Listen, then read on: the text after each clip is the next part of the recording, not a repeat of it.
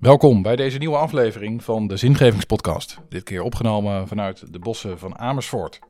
Deze podcast is een initiatief van Rotterdam Rijker. Wij zijn een platform voor zingeving in Rotterdam. En daarvoor organiseren we allerlei events voor professionals waarin we op zoek gaan naar wat het leven betekenis geeft. Mijn naam is Gert Weerheim en vandaag ga ik in gesprek met Esther van Venema. Dokter Esther van Venema is een veelzijdig persoon. Is om te beginnen psychiater. We zitten hier in Medisch Centrum Zon en Schild uh, in Amersfoort, waar zij werkt. Een behandelcentrum voor mensen met persoonlijkheidsstoornissen. Esther van Venema is daarnaast ook uh, professioneel violist en zij werkt, zoals zij dat zelf noemt, als high performance coach. Ze heeft eerder een politieke partij opgericht, schrijft boeken en is regelmatig op radio en tv. Afgelopen maart was Esther te gast bij Rotterdam Rijker, waar ze sprak uh, tijdens de Paas-special. En dat riep veel reacties op. Dat is reden om nog eens met haar door te praten over haar bijdrage en over haar boek Het Verlaten Individu.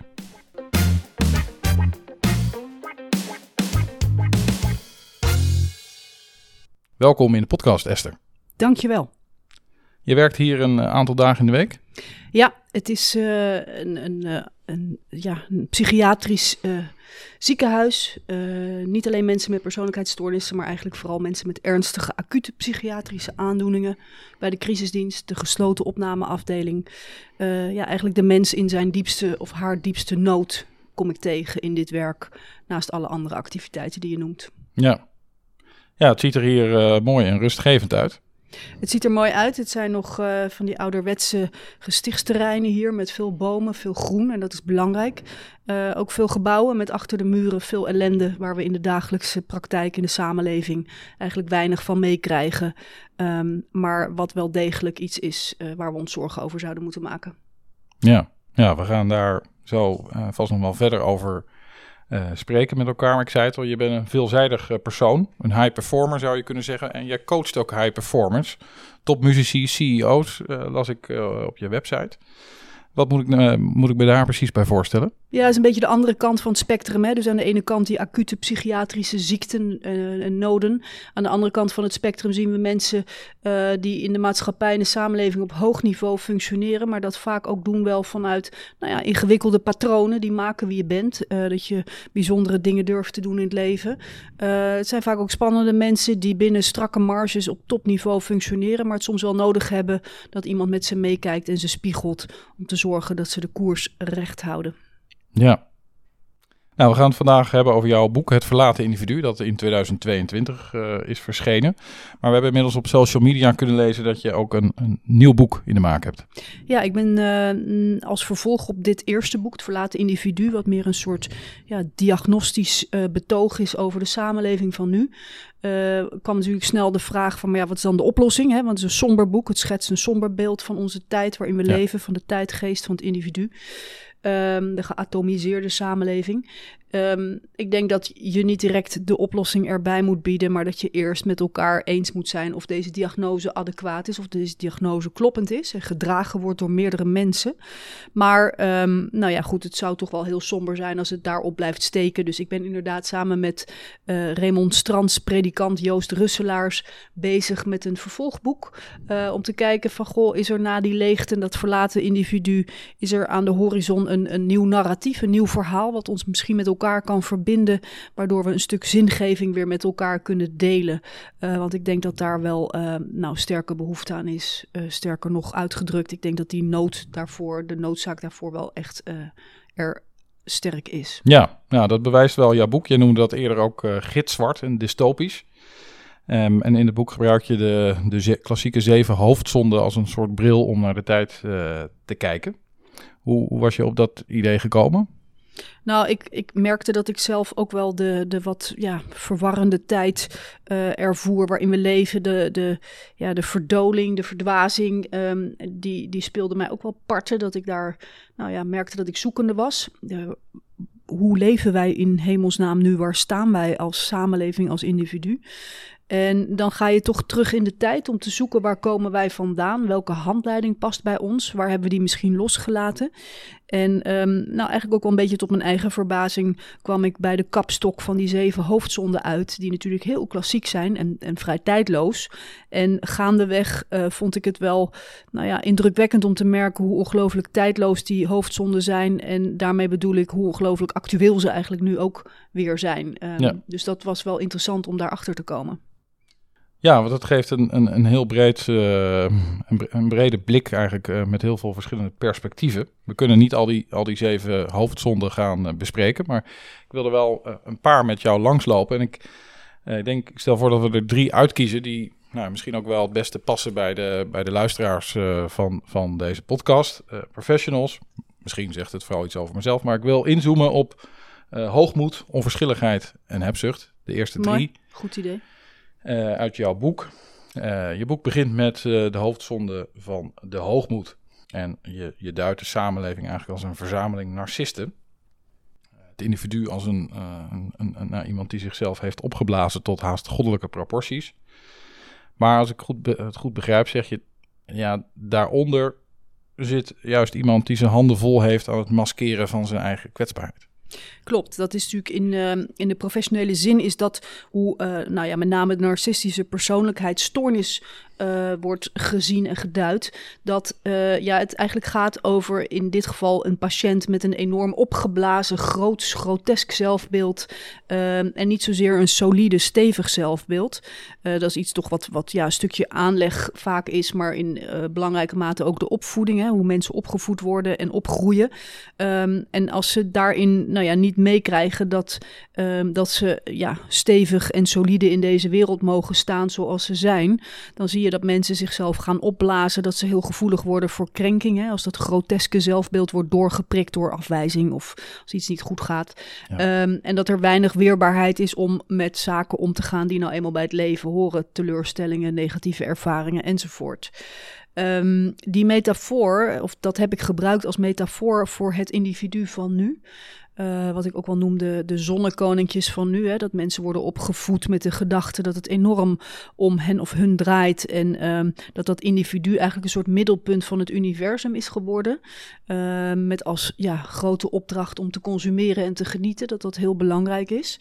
Uh, en wat je ziet is toch ja, dat we daardoor ook tegelijkertijd heel kwetsbaar zijn geworden. Want het individu is van origine de mens bedoeld als, als groepsdier. Of als in ieder geval groepsgenoot.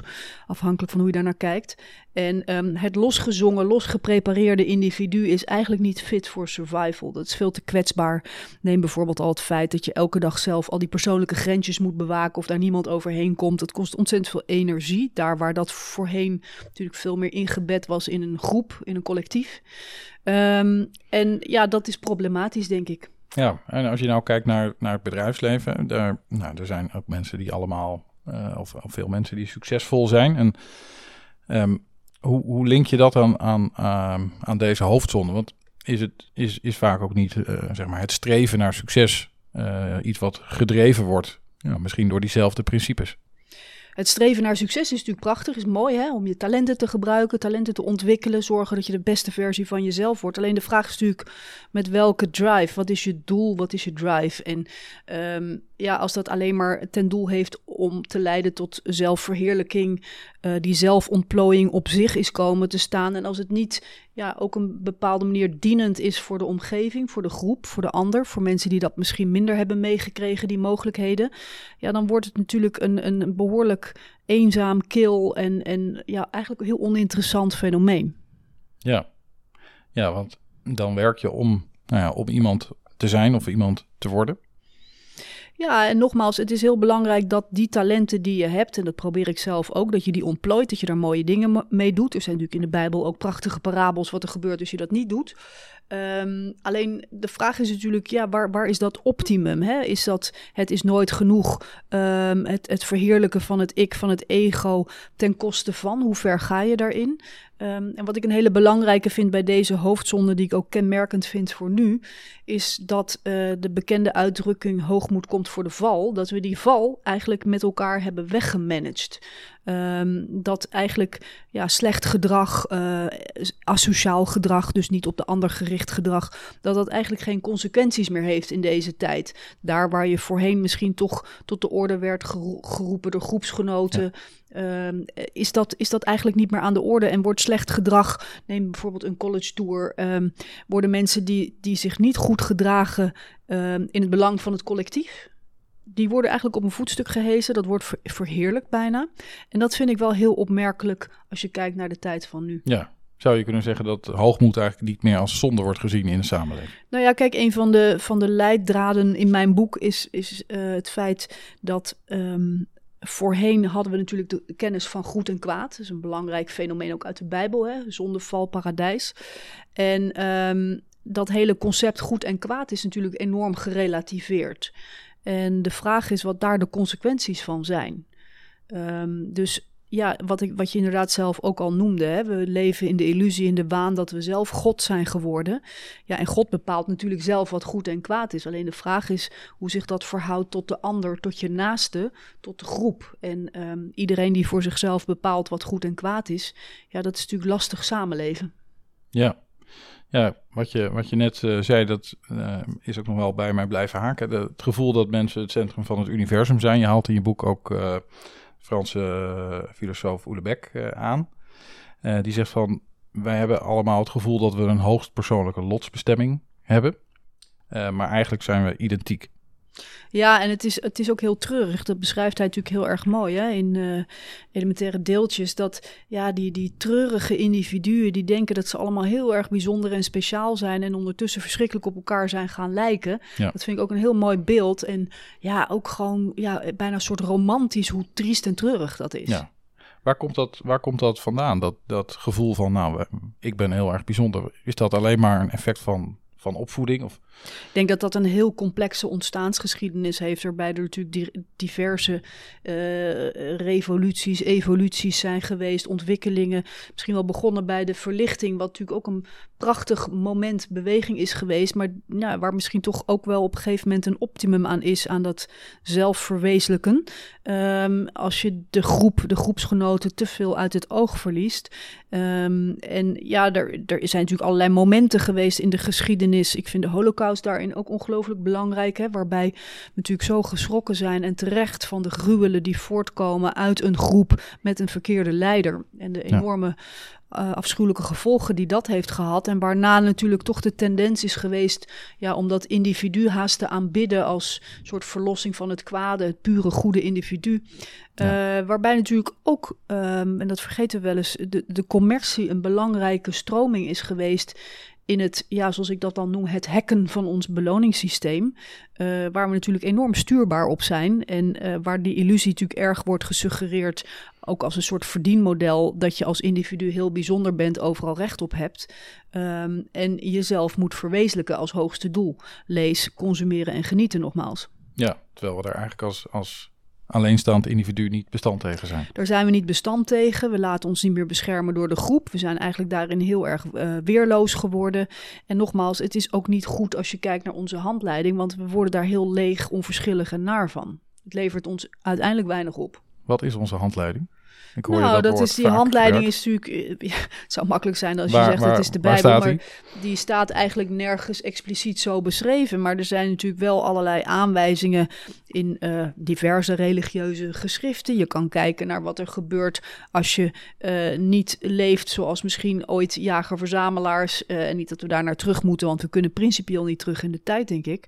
Maar het met elkaar als groep waarbij er een soort optimum in die zin wordt gesuggereerd van 150 tot 500 mensen. Nou, dat is interessant in deze geglobaliseerde wereld natuurlijk. Uh, waarbij we ons fijn voelen, waarbij we nou ja, een optimale verbindingsgraad blijkbaar kunnen neerzetten met elkaar die goed voor ons is.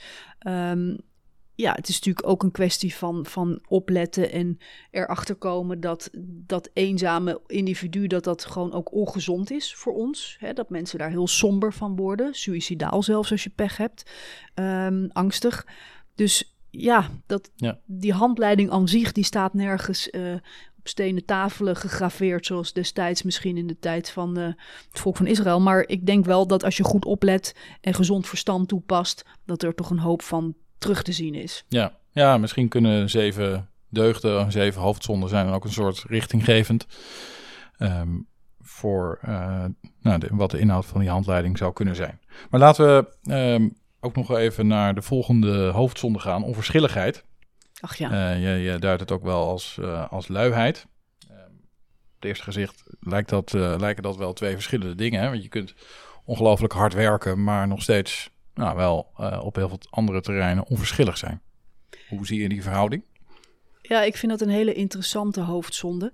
Um, want die onverschilligheid die speelt ons wel degelijk parten in deze tijd. En anno nu zie je die onverschilligheid met name toch in veel overprikkelingen. Iedereen heeft het verschrikkelijk druk, is de hele tijd in de weer met van alles en nog wat. Uh, en de vraag is vaak hoe zinnig dat is, of, of, dat het toch een vorm is van ons laten afleiden. Um, en in die zin is het risico natuurlijk dat die onverschilligheid maakt dat je geleefd wordt, zoals veel mensen ook wel zeggen. Uh, en daardoor eigenlijk niet meer goed omkijkt, omziet naar de ander omdat je het zo druk hebt, omdat je natuurlijk zo ongelooflijk in beslag wordt genomen door.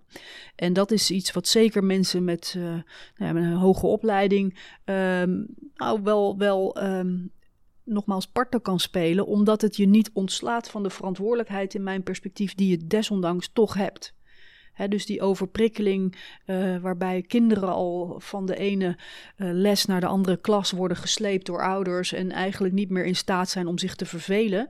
Uh, wat jammer is, want vanuit verveling ontstaat veel creativiteit, is mijn eigen ervaring ook als kind. Um, maar die overprikkeling maakt dat mensen eigenlijk niet meer goed stilstaan bij, niet meer de tijd nemen om na te denken, om te bezinnen, ouderwets woord.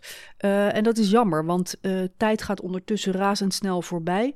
En ik, ik vind dat met name voor de elite, en de definitie daarvan, dat, uh, dat laat ik eventjes voor wat het is, vind ik dat heel belangrijk om stil te kunnen staan bij. Om terug te kunnen kijken. Um, ik sprak laatst een hele mooie oude baas van 94 jaar. En die was stoïcijn. Die leefde volgens de Stoa.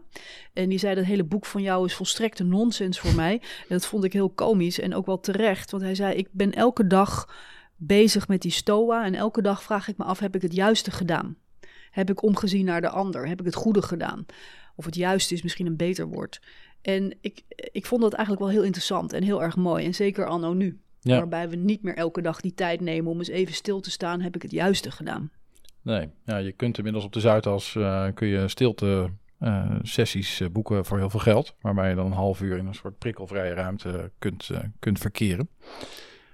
Maar dat is niet de manier. Ja, ik weet niet wat mensen op, dan doen en uh, vanuit welke drijfveer dat is. Hè. En voor je het weet is dat natuurlijk ook weer een soort consumentisme uh, om op die manier um, ja, jezelf weer wat verder te helpen. Maar de vraag is wat de ander daaraan heeft. Ja, maar je hebt over, over, over prikkeling. Um, dan, denkt iedereen natuurlijk aan, aan smartphone uh, gebruik. Nou, overprikkeling, maar ook, ik, ik denk ook aan morele luiheid. Hè? Dus uh, het niet meer betrokken zijn, denken, nou ja, het zal wel politiek afhaken, uh, niet meer in de benen komen om misstanden aan te vechten. Ik vind dat, ik vind die nalatigheid, die vind ik ook wel echt verwijtbaar. En met name nogmaals, als het gaat om mensen met uh, goede opleidingen, met veel mogelijkheden.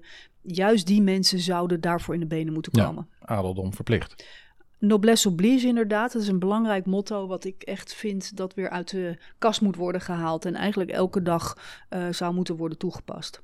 Hoe, hoe uh, heeft het zo kunnen ontstaan dat, nou ja, misschien is het altijd zo geweest, dat, uh, dat weet ik niet. Maar dat mensen in een bevoorrechte positie eigenlijk steeds minder zijn gaan gaan geven om. Uh, nou, nou, ja, ik denk dat mensen in, in posities zoals wij, want wij zitten denk ik allebei ook in bevoorrechte posities, dat die op een bepaalde manier, um, ja, nogmaals, moreel lui zijn geworden. Misschien ook al verblind zijn door die hebzucht, door het consumeren, het regelen van je eigen comfort.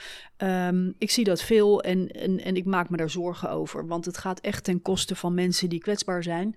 En hoef je niet de hele dag goede werken te doen. En als je een ja, zware, verantwoordelijke job hebt, dan is het ook belangrijk om goed te ontspannen en te zorgen dat je ook tot rust komt.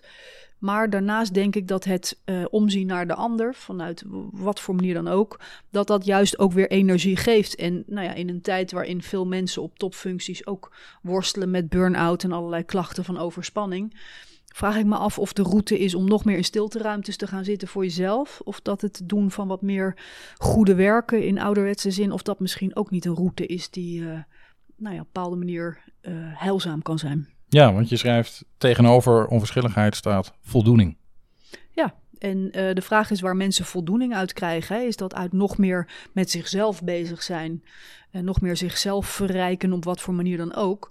Of is het juist dat misschien een beetje loslaten en kijken hoe je weer, nou ja, die verbinding met de ander kan zoeken zonder dat ik verbinding als het modieuze V-woord bedoel? Ja. Maar dan echt. Ja. Nou kijken we tenslotte ook nog naar, uh, naar hebzucht. Um, in uh, dit hoofdstuk, uh, dat hoofdstuk van jouw boek gaat het mes er echt stevig in.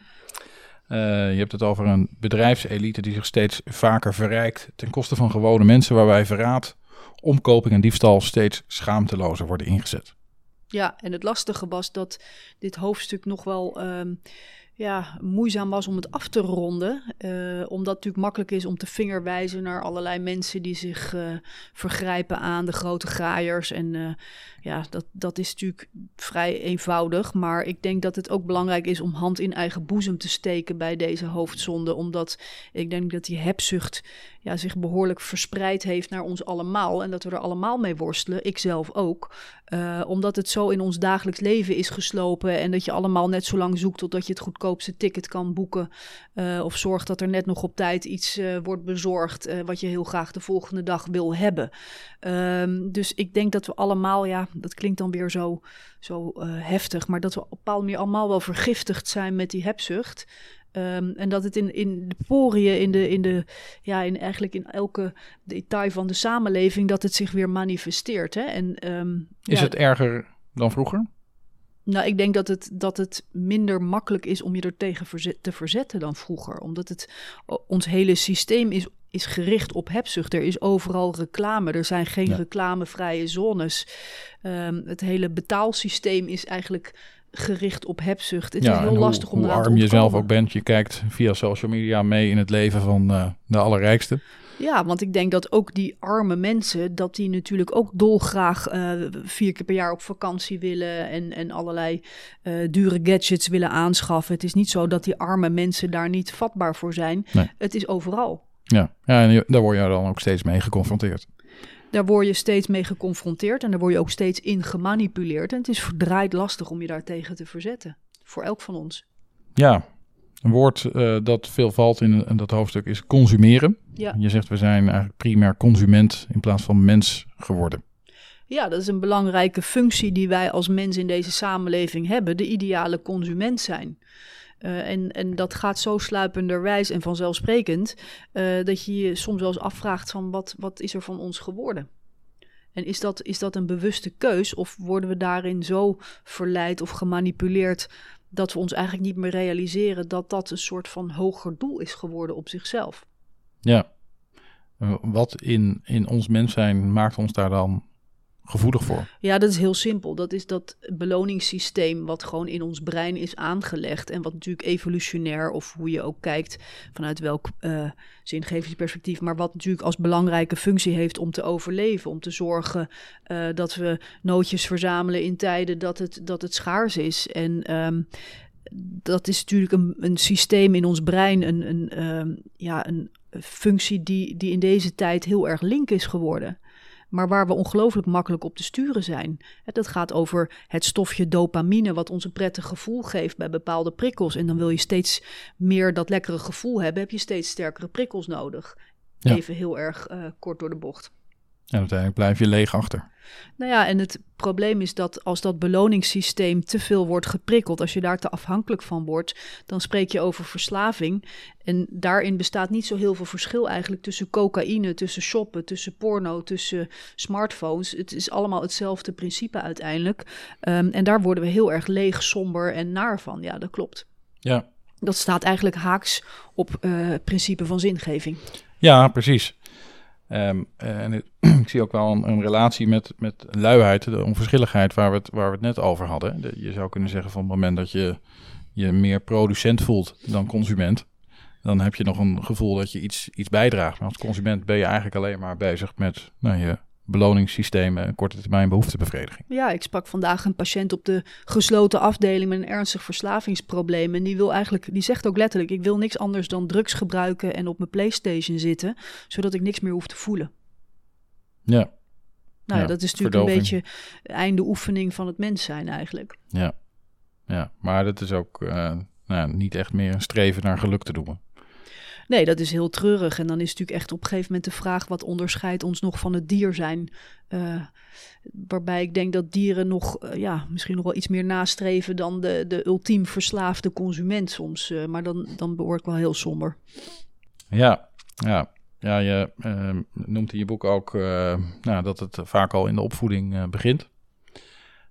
dat kinderen nou ook niet meer geoefend worden om even hun beloningssysteem uh, wat af te remmen en uh, ook direct um, hun behoeften of hun impulsen um, moeten kunnen uitleven.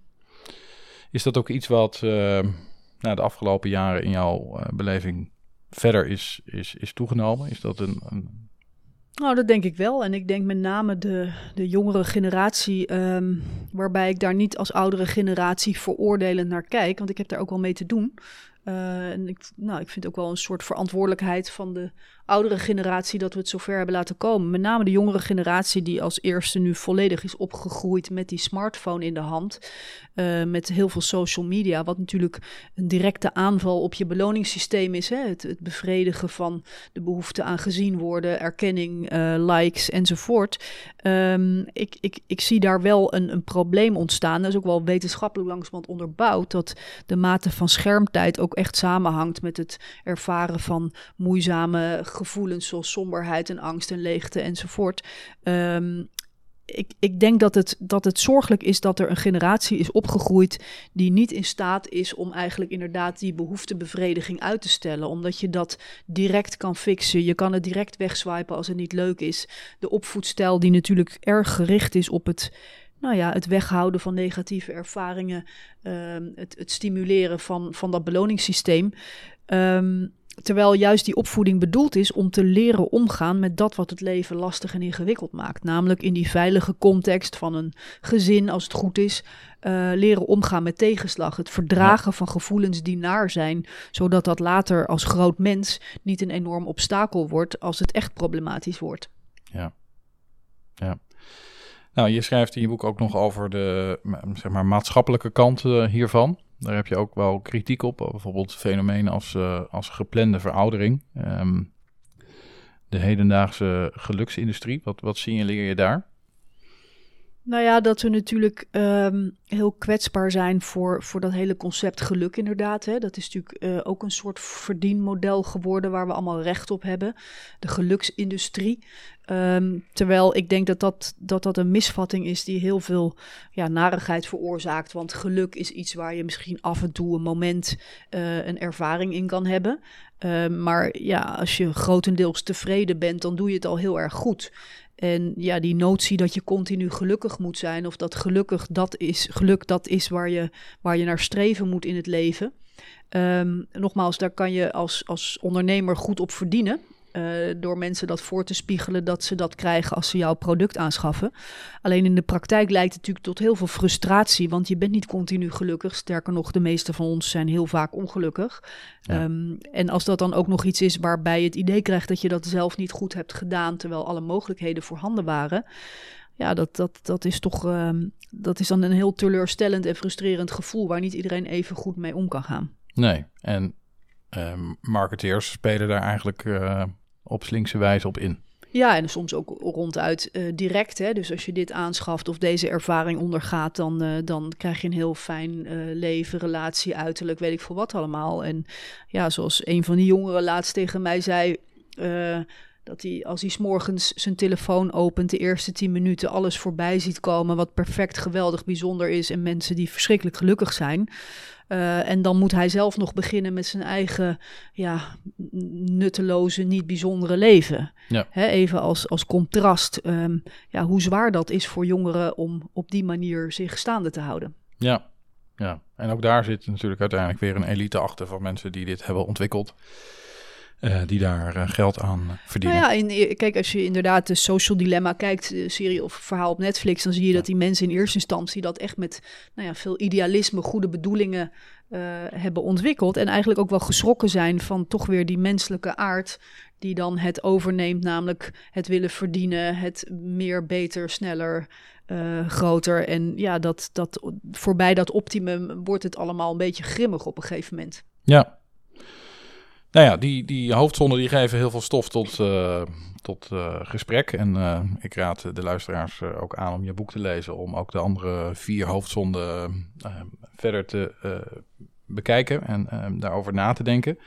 Maar laten we nog eens kijken naar wat misschien achter die of onder die hoofdzonden zit. Of in elk geval onder de manier waarop ze zich nu manifesteren in onze tijd.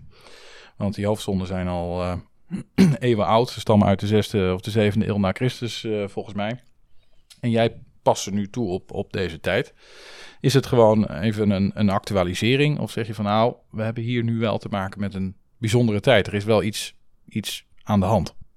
Nou, wat deze tijd bijzonder maakt, is dat ik denk dat nooit eerder in de geschiedenis het individu zo op zichzelf heeft gestaan. Nooit eerder in de geschiedenis hebben we het collectief zo massaal losgelaten dus dat, dat weerloze individu, wat, wat voor mij een beetje staat te tollen op zijn voetstuk. Um, en heel erg kwetsbaar is voor al die invloeden um, waar we het net over hebben gehad. Ik denk dat dat wel heel erg uniek is. Dat we ja, zo losgezongen zijn van, van de groep, van, van collectief nogmaals. Um, dat is volgens mij nooit eerder vertoond. Daarbij is het natuurlijk ook, en ik weet niet, dat gaat natuurlijk allemaal hand in hand is het een tijd waarbij de globalisering en de digitalisering unieke fenomenen zijn. Waar we ons opnieuw toe moeten verhouden, waardoor we ook principieel nooit terug kunnen naar de tijd van toen, toen het allemaal nog ideaal was, tussen aangestekens. Um, dus we zullen opnieuw moeten kijken hoe verhouden we ons als ja, losgezongen individu tot deze nieuwe tijd. Hoe moeten we met elkaar weer misschien een groep vormen? Kan het überhaupt nog? Is dat nog iets waar we toe in staat zijn? En wat is daarvoor nodig? En ja, dan kom je toch uit op een verbindend verhaal. Hè? Want zoals Harari zo mooi zegt, ehm, alleen met mooie verhalen kunnen wij tempels bouwen. Um, dat is iets wat we nodig hebben, iets wat dat individu overstijgt, wat met elkaar verbindt. En ik ben daar ook wel heel nieuwsgierig naar hoe we dat met elkaar moeten vormgeven, anno nu. Ik heb, ik heb van jou geleerd dat je niet te snel naar de oplossing moet. Ik wil nog, toch nog eventjes naar, um, zeg maar... De, je fluit me terug nu probleem ja, het, uh, je krijgt het terug, uh, ja. Um, maar uh, globalisering en digitalisering. Kun je ons eens meenemen van in hoeverre of, of, op welke manier dat dan inspeelt op dat, nou, op dat individu wat er alleen voor staat? Maar waarom maakt dat het erger? Katalyseert dat het? Nou ja, de hele wereld zit onder de knop. En daar waar wij een brein hebben, wat misschien is afgestemd op wat ik al eerder noemde, groepsgrootte 150, 500 man, is natuurlijk uh, datzelfde brein mobiliseren om iets van de hele wereld te vinden, uh, is natuurlijk indrukwekkend. En dat kan eigenlijk helemaal niet. Uh, neem een fenomeen als empathie. Dat is eigenlijk iets wat ja, een vrij lokaal fenomeen is, gericht op de ander. Hè? Het voelen van de pijn van de ander en daar iets aan willen doen, je daarin kunnen verplaatsen. Dat wordt nu gemobiliseerd natuurlijk om rampen over de hele wereld te, te door voelen en in de benen te komen. Uh, dus dat is natuurlijk ook een beetje wat uh, de Belgische schrijver, filosoof Ignace Davies in zijn boek Het Empathisch te veel beschrijft. Dat lukt niet meer. En dat, dat maakt eigenlijk dat we ook ja, een beetje in de war zijn. Hoe afgestomd. we afgestomd raken, Murph, hoe we ons moeten verhouden tot die mensen om ons heen. Dus dat is wel heel ingewikkeld. Plus een ander fenomeen is natuurlijk het gevoel van verantwoordelijkheid, wat ik ook in mijn boek beschrijf. Hè? Dat voorheen, als je, als je de boel belazerde, dan kwam je diegene die slachtoffer was van jouw gedrag, kwam je misschien tegen gewoon in de kerk op zondag of op het dorpsplein. Dat is nu natuurlijk allemaal um, ja, gedigitaliseerd en um, je ziet de gevolgen niet meer goed van je handelen. Dus in die zin uh, is, dat, is dat ijl geworden of verbleekt. Uh, en, en dat is denk ik ook niet heel erg gezond voor ons als soort. Nee, nee dus de, de, de, de groep uh, is weggevallen, maar eigenlijk ook de, nou, de gevolgen van ons handelen zijn we niet, worden we niet meer mee geconfronteerd. Ja, de gevolgen van ons handelen die zijn eigenlijk ja, heel erg. De gevolgen zijn erg weg, weggemanaged van inderdaad wat je doet. Uh, daar hoef je helemaal niet zoveel last meer van te hebben. Er zijn ook allerlei die, uh, interviews met die bankiers over die bankencrisis destijds. Hè, waarbij ja, deze figuren met grote verantwoordelijkheden ook echt helemaal niet meer konden voelen wat het gevolg was van hun ja, toch soms frauduleuze acties. Uh, de mensen die daardoor in het verderf werden gestort. Uh, als je je slachtoffers nooit meer in de ogen hoeft te zien, ja, dat maakt natuurlijk ja. dat je die verantwoordelijkheid veel minder voelt. Ja, CO2-uitstoot uh, zie je ook niet.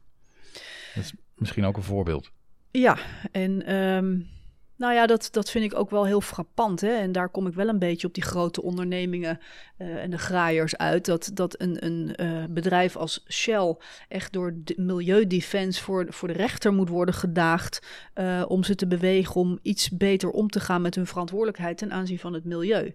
En er zijn veel van dat soort ondernemingen die dan ja, in de vorm van greenwashing proberen om er nog iets van te maken. Maar die persoonlijke betrokkenheid, die persoonlijke verantwoordelijkheid van die elite voor de ander, voor de wereld, voor het klimaat of milieu, ja, die is er niet. En die persoonlijke aansprakelijkheid, die zou ik wel heel graag willen terugzien bij met name mensen in dit soort posities met grote verantwoordelijkheden. Ja, ja, ik moet ook denken aan Amazon, die op haar website een, een uitgebreid, uh, uitgebreide pagina heeft over corporate social responsibility en sustainability. Maar uiteindelijk natuurlijk ook een voorbeeld is van zo'n partij die een systeem in het leven heeft geroepen. Nou ja, het zijn natuurlijk allemaal grote ondernemingen met, met aandeelhouders die tevreden moeten worden gehouden. En de vraag is of dat niet een desastreus model is als het gaat om kwaliteit van leven voor de mens en de aarde überhaupt.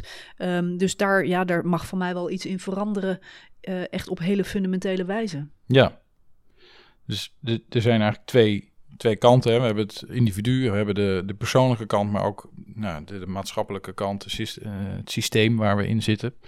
Uh, en eigenlijk in jouw boek geef je op beide um, kritiek. Uh, je zei het al, je boek is, is somber.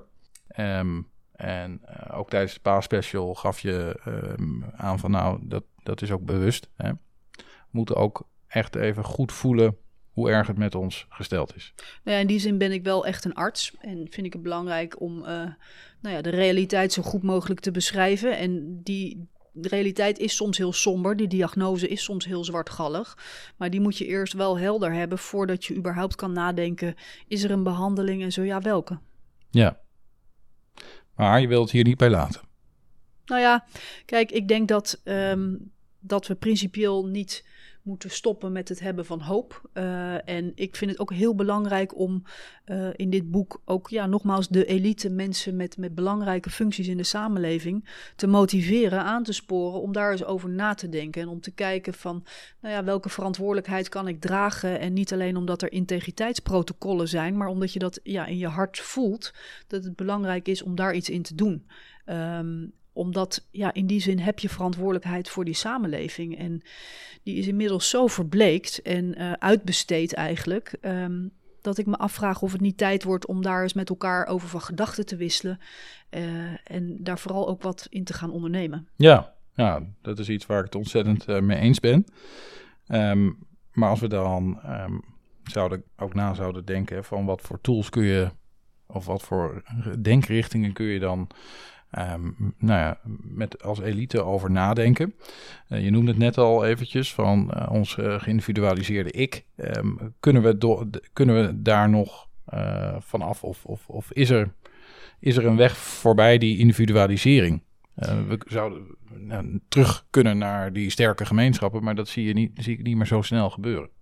Nee, en ik, nou ja, wat ik zei, ik ben met, uh, met predikant Russelaars bezig met een nieuw boek. Wij interviewen allerlei mensen op belangrijke uh, posities in de samenleving, denkers. En uh, wat ik wel frappant vind, is dat dat ja, zoeken naar een nieuw narratief, naar een verhaal wat verbindt, dat dat wel gedragen wordt door iedereen, dat dat noodzakelijk is. En dan is natuurlijk de vraag, moet je met elkaar een nieuw verhaal gaan timmeren? Of moet je eens terugkijken, goh, wat, wat zijn er voor verhalen en welke ingrediënten zijn bruikbaar voor deze tijd, die nogmaals nieuw is en waar je je toe moet verhouden. Dus je kan niet teruggrijpen op een verhaal wat toen heel goed werkte. Je zal het moeten actualiseren. Ja. Um, en, en heel concreet een concept zoals solidariteit. Hè? Dus uh, in die zin omzien naar elkaar, naar mensen die het misschien minder goed hebben. Solidariteit is iets wat enorm, ja, eigenlijk een vergeten concept is. Hè? Je ziet bijvoorbeeld dat de bereidheid van mensen om uh, zorgpremie te betalen uh, is, is, aangetoond achteruit is gegaan, omdat mensen daar eigenlijk geen zin meer in hebben om voor elkaar op te draaien. Wat ik ook wel begrijp als mensen zich ja, qua leefstijl heel erg ongezond opstellen en dat jij voor die ander moet betalen. Maar ik denk dat we daar nou ja, misschien op een hele open en eerlijke manier over in gesprek moeten met elkaar. Hè? Dus het opofferen als het gaat om het klimaat, uh, dat is een samenwerkingsprobleem.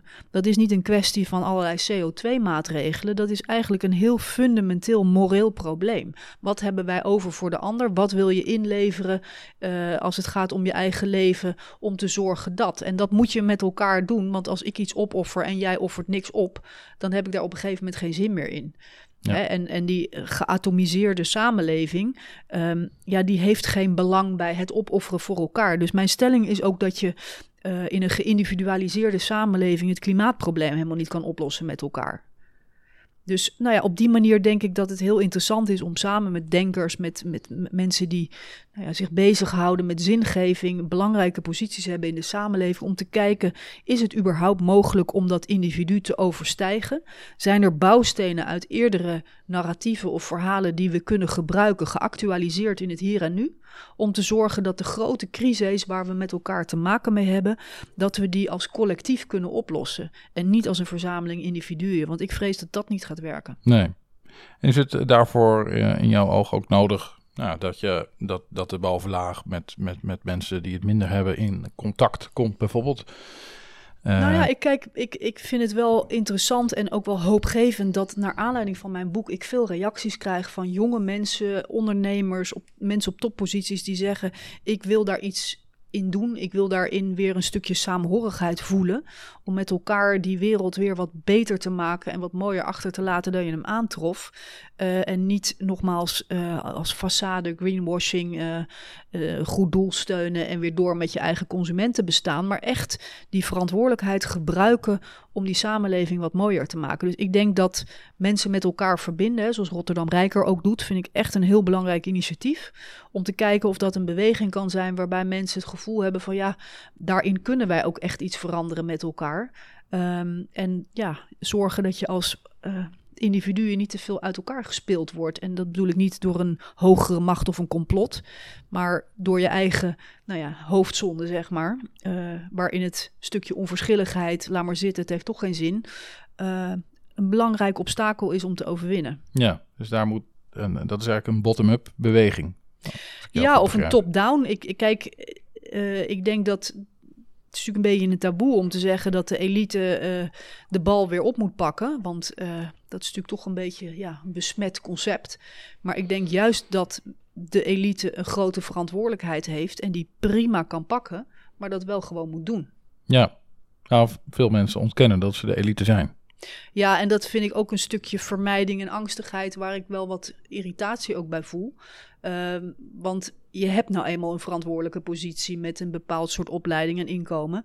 Ja. Um, dus daar kan je niet voor wegduiken. Nee, daar ben ik het helemaal mee eens. Nou, um, veel, veel stof uh, tot nadenken. Um, mijn vraag nog. Uh, jij eh, schreef ergens of, of zei ergens dat dit boek ook, nou, ook wel een beetje een zelfhulpboek is. Uh, je noemde het net zelf ook al van, uh, nou, je behoort ook tot, zelf ook tot de elite. Heeft dit, heeft dit boek jou, het schrijven van dit boek jou zelf ook geholpen als persoon? Um, nou, sowieso helpt schrijven mij om mijn gedachten te ordenen. Maar wat me met name helpt is nou ja, zijn de reacties naar aanleiding van het boek. Hè? Mensen die naar me toe komen als ik uh, lezingen hou over het boek, als ik zie in de zaal wat er gebeurt. Mensen die eigenlijk ja, resoneren op de behoefte met elkaar weer een verhaal te delen. Om, om, om, om ja, weer dat idee te hebben dat we als collectief, als samenleving. Um, meer zijn dan die verzameling individuen bij elkaar opgeteld. En, en dat vind ik heel erg helpend. Uh, en ja, die energie, die, uh, die vind ik echt wel hoopvol. Ja. Wat is, wat is jouw uh, drive? Nou, ik denk noblesse oblige. Ik voel die verantwoordelijkheid heel sterk. Uh, mijn grootvader was uh, burgemeester in Zandvoort en die was echt een burgervader met hart voor zijn, uh, voor zijn dorpelingen. En um, ja, dat was een man die geen integriteitsprotocollen nodig had. Dat was in zijn hart geschreven dat je die verantwoordelijkheid, dat je die, um, ja, dat je die waardig draagt. En dat het gewoon een beetje, ja, gewoon een beetje raar en, en ongepast is om je leven te leiden als consument voor jezelf. Dat, dat, dat hoort eigenlijk niet. Mooi. Je moet je verantwoordelijkheid waardig dragen. Lijkt me een mooie om uh, mee af te ronden. Ik wil jou uh, hartelijk danken, Esther, voor jouw bijdrage aan onze podcast. Graag gedaan. Nou, tenslotte uh, voor de luisteraars, dank voor het luisteren. Houd onze website in de gaten, www.rotterdamrijker.nl voor de events die op de agenda staan. Op 11 mei is er een event over smartphonegebruik. Hans Sniesler is de gast en we gaan het hebben over nou, de duistere kanten van technologie en hoe je daar ook aan kunt ontsnappen. Bouwt denk ik mooi voort op dit gesprek. En op 22 juni is de laatste zingevingsborrel voor de zomer. Nou, tenslotte vergeet niet je te abonneren op onze podcast en een beoordeling achter te laten. Dan worden we nog beter gevonden. Dankjewel.